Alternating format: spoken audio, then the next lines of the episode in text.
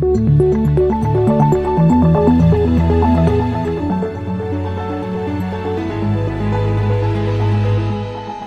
This Morning.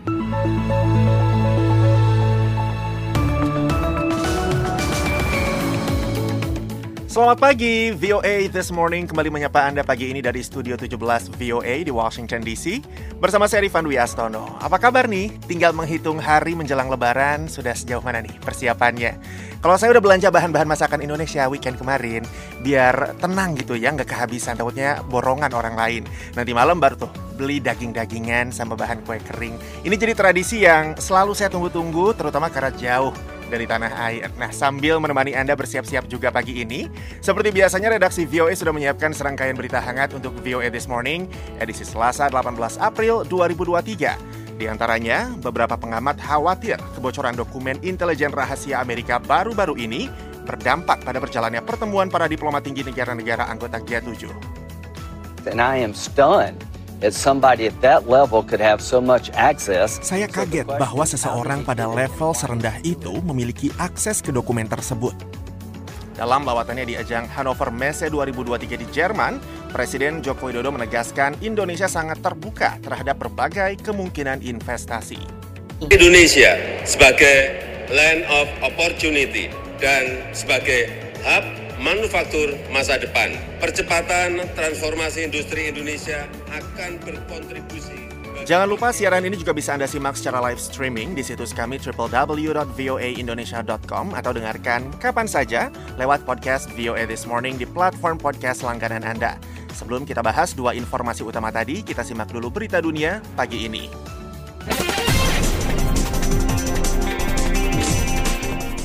Selamat pagi pendengar, kedua faksi militer yang bertikai untuk menguasai ibu kota Sudan, Khartoum, Senin mengklaim kemajuan sementara jumlah korban tewas akibat kekerasan meningkat menjadi lebih dari 100 orang.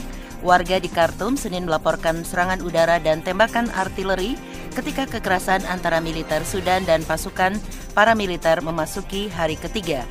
Ketua PBB Antonio Guterres pada hari Senin kembali mengecam pecahnya pertempuran dan menghimbau para pemimpin militer Sudan dan kelompok paramiliter pasukan dukungan cepat RSF untuk segera menghentikan permusuhan, memulihkan ketenangan dan memulai dialog untuk menyelesaikan krisis.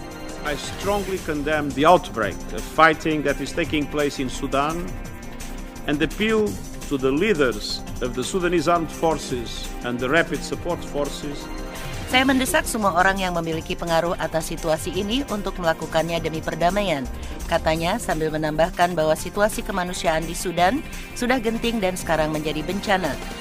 Departemen Kehakiman Amerika mengatakan telah menangkap dua warga kota New York dan mendakwa 44 petugas keamanan Tiongkok sehubungan dengan upaya Tiongkok untuk menargetkan para pembangkang di Amerika dan di seluruh dunia.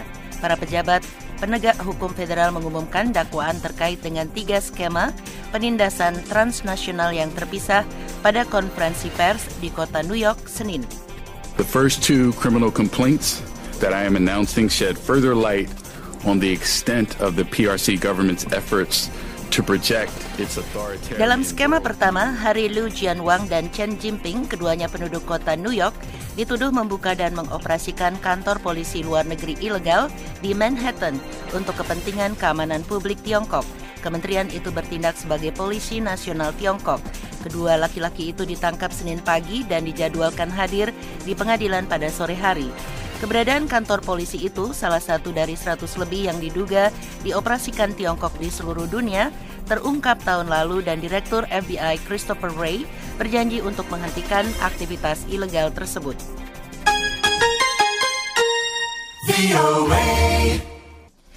Presiden Joko Widodo dan Kanselir Jerman Olaf Scholz Senin meninjau beberapa stand perusahaan-perusahaan teknologi dalam pameran tahunan perdagangan dan teknologi di Hannover, Jerman.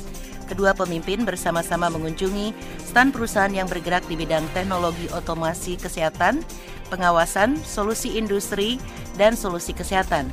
Kedua pemimpin juga meninjau stand perusahaan Jerman yang memproduksi komponen dan sistem kelistrikan dan menjual produk untuk distribusi dan kontrol energi listrik. Indonesia dalam pameran ini juga menyertakan perusahaan-perusahaan teknologi besar, sedang, dan perintis. keikutsertaan Indonesia diharapkan akan menjawab tantangan-tantangan yang dihadapi Indonesia dalam upaya merevolusi sektor industrinya. Making Indonesia 4.0 adalah tema yang sangat relevan bagi Indonesia yang sedang melakukan transformasi ekonomi. Sebelumnya, Minggu, Scholz mengatakan akan mendesak kesepakatan perdagangan antara Uni Eropa dan Indonesia sebagai bagian dari upaya negaranya untuk mengurangi ketergantungan bahan baku penting pada Tiongkok. Serangkaian serangan dari militan yang didukung Iran terhadap personel militer Amerika di Suriah bulan lalu menyebabkan cedera otak traumatis pada 23 personel militer, kata pejabat Departemen Pertahanan kepada VOA. Seorang kontraktor Amerika tewas dan 25 personel militer Amerika terluka dalam serangan itu. 13 dari 26 korban merupakan akibat dari serangan lanjutan pasukan yang didukung Iran di Suriah yang dilakukan setelah Amerika membalas serangan mematikan di timur laut negara itu pada 23 Maret. Demikian menurut pejabat pertahanan. Pengungkapan cedera terbaru itu menimbulkan pertanyaan seberapa efektif serangan balasan Amerika dalam menghalangi militan yang berupaya melukai anggota dan kontraktor militer Amerika di Suriah. Tanggapan Amerika terhadap serangan-serangan ini tampaknya hanya ingin tidak mempedulikannya dan berharap perhatian akan teralihkan. Tetapi milisi tidak akan berhenti, kata pensiunan Kolonel Miles Kaggins III, seorang peneliti senior di New Lines Institute for Strategy and Policy kepada VOA. Slovakia menjadi negara Uni Eropa ketiga yang melarang impor pangan dari Ukraina pada Senin, memperdalam tantangan bagi blok tersebut saat berupaya membantu Ukraina mengekspor biji-bijiannya ke pasar dunia. Sekian berita dunia VOA, saya Madioni.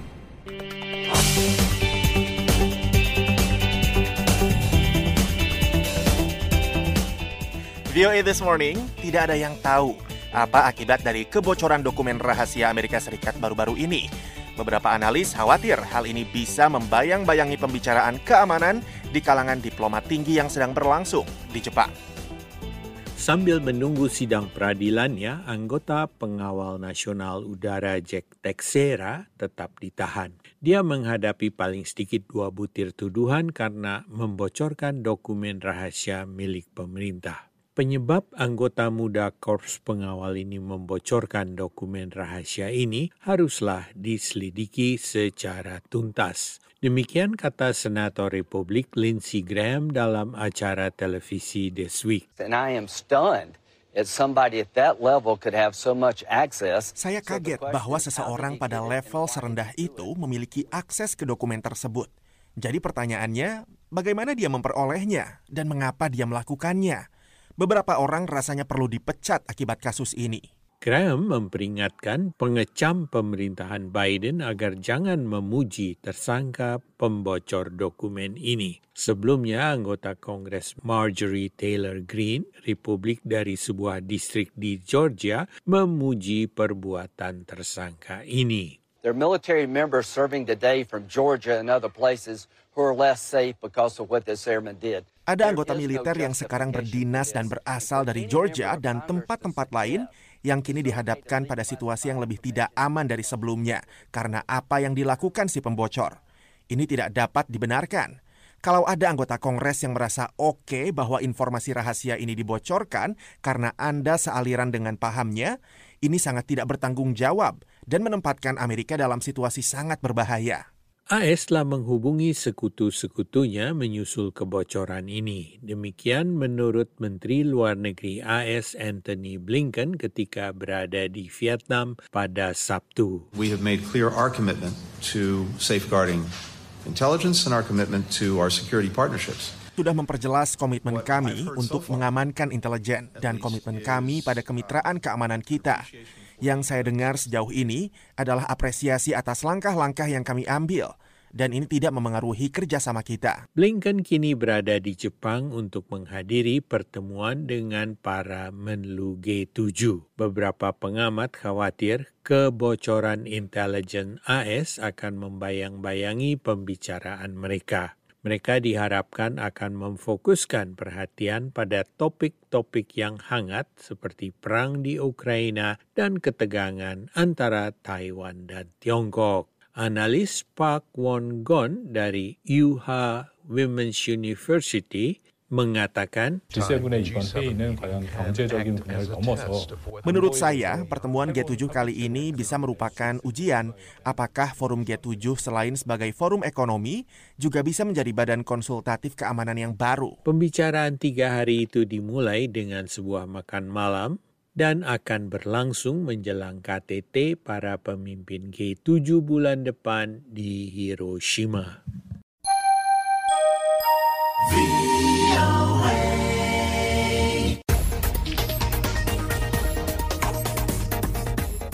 Menteri Luar Negeri Amerika Serikat Anthony Blinken hingga Sekretaris Jenderal PBB Antonio Guterres pada hari Senin menyerukan gencatan senjata di Sudan. Sewaktu militer Sudan dan kelompok paramiliter yang kuat di sana saling bertempur untuk menguasai negara di Afrika Timur tersebut.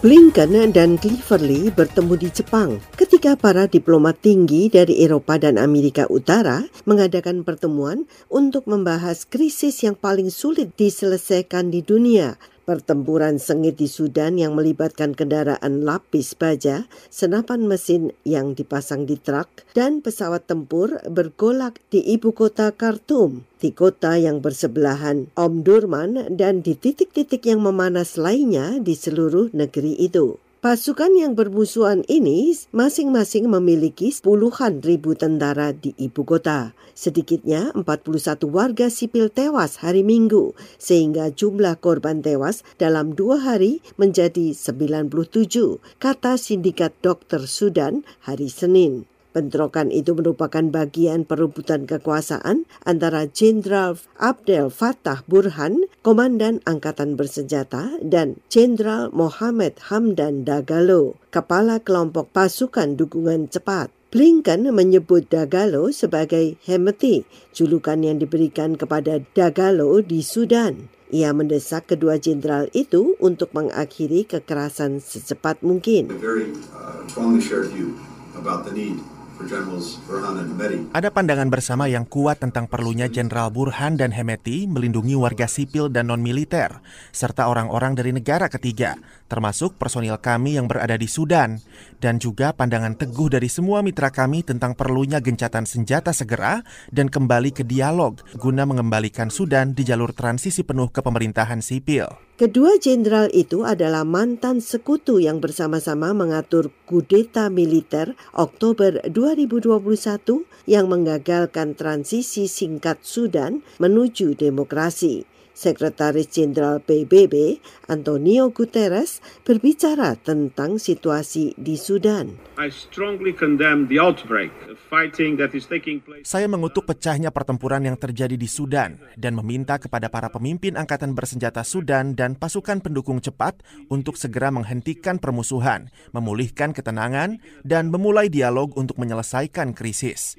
Ratusan orang luka-luka sejak pertempuran dimulai hari Sabtu. Selain itu, puluhan pejuang diyakini tewas menurut kelompok tersebut. Puspita Sariwati, VOA, Washington.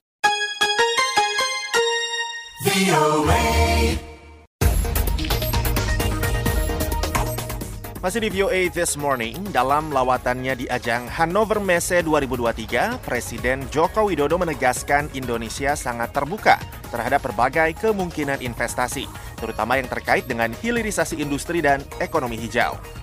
Hilirisasi industri selalu digaungkan oleh Presiden Jokowi dalam pemerintahannya. Meskipun menghadapi gugatan di WTO terkait larangan ekspor biji mentah nikel, Jokowi tidak gentar. Bahkan dalam acara Hannover Messe 2023, ia menegaskan bahwa Indonesia bukan negara yang cenderung menutup diri. Jokowi menjelaskan proyeksi nilai investasi dalam peta jalan hilirisasi industri Indonesia mencapai 545,3 miliar dolar Amerika Serikat dan ini merupakan peluang yang sangat menggiurkan para investor. Ia pun mengajak para investor untuk ikut berinvestasi di tanah air karena bisa berdampak pada pemulihan ekonomi secara keseluruhan pasca pandemi. Indonesia sebagai land of opportunity dan sebagai hub manufaktur masa depan. Percepatan transformasi industri Indonesia akan berkontribusi bagi bangkitnya ekonomi kawasan dan ekonomi global. Maka dengan spirit of infinite journey Let's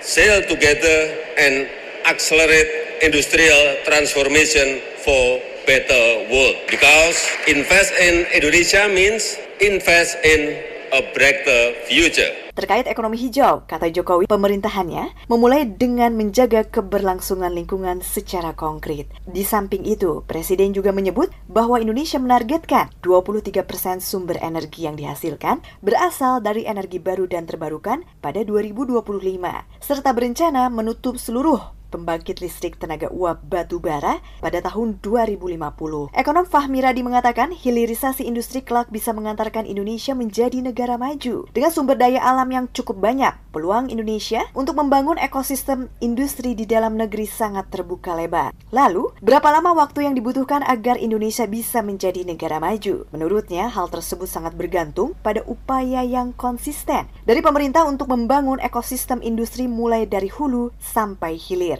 Ia mencontohkan, apabila hilirisasi dari biji nikel berlangsung dengan baik, maka akan menghasilkan produk turunan seperti baterai kendaraan listrik hingga kelak Indonesia bisa memproduksi kendaraan listrik di dalam negeri. Menurutnya memang dibutuhkan waktu panjang agar Indonesia bisa berlabel sebagai negara maju. Sebab hilirisasi industri juga membutuhkan dana yang tidak sedikit dan juga investor. Lama ini Indonesia akan menjadi negara maju, ini butuh waktu panjang, itu antara 10 sampai 20 tahun itu akan tercipta tadi ke depannya. Paling tidak pada seperti targetnya Jokowi saat ini di pada tahun 2045 tahun emas Indonesia tadi pada saat itulah Indonesia akan menjadi negara yang maju dan modern. Dari Jakarta, Gita Intan melaporkan untuk VOA Washington.